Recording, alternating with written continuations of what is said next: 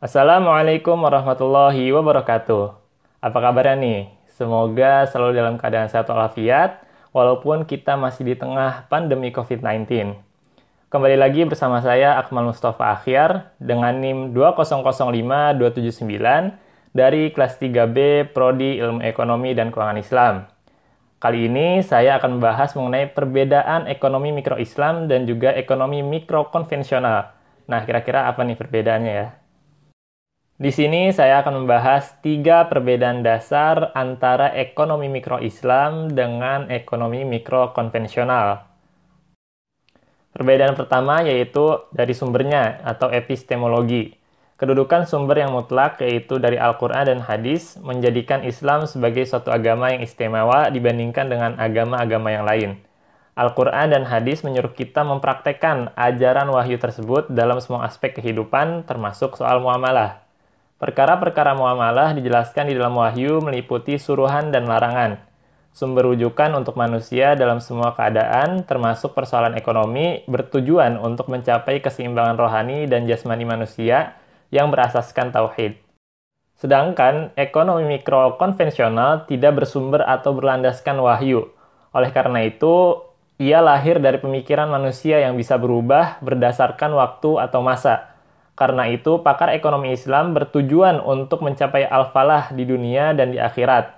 Sedangkan pakar ekonomi konvensional mencoba menyelesaikan gejala permasalahan yang timbul tanpa ada pertimbangan mengenai soal ketuhanan dan keakhiratan, tetapi lebih mengutamakan untuk kemudahan manusia di dunia saja. Yang kedua, tujuan kehidupan. Tujuan ekonomi Islam membawa kepada konsep al-falah, yaitu kejayaan di dunia dan di akhirat dengan menerapkan aturan-aturan muamalah berdasarkan Al-Quran dan hadis demi kebaikan manusia.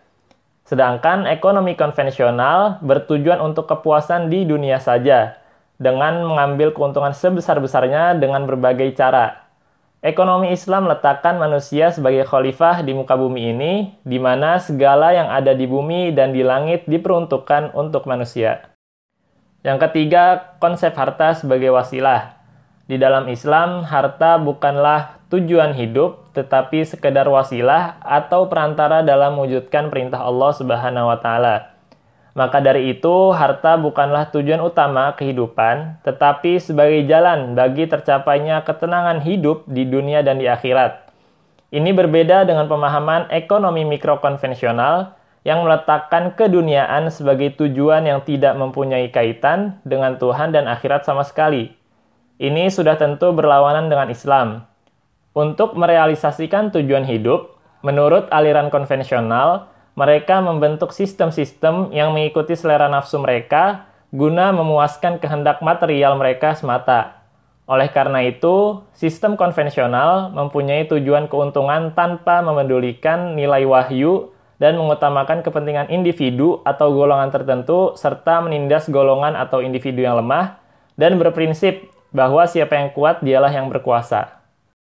Sekian penjelasan saya mengenai perbedaan ekonomi mikro Islam dengan ekonomi mikro konvensional. Kurang lebihnya mohon maaf. Wassalamualaikum warahmatullahi wabarakatuh.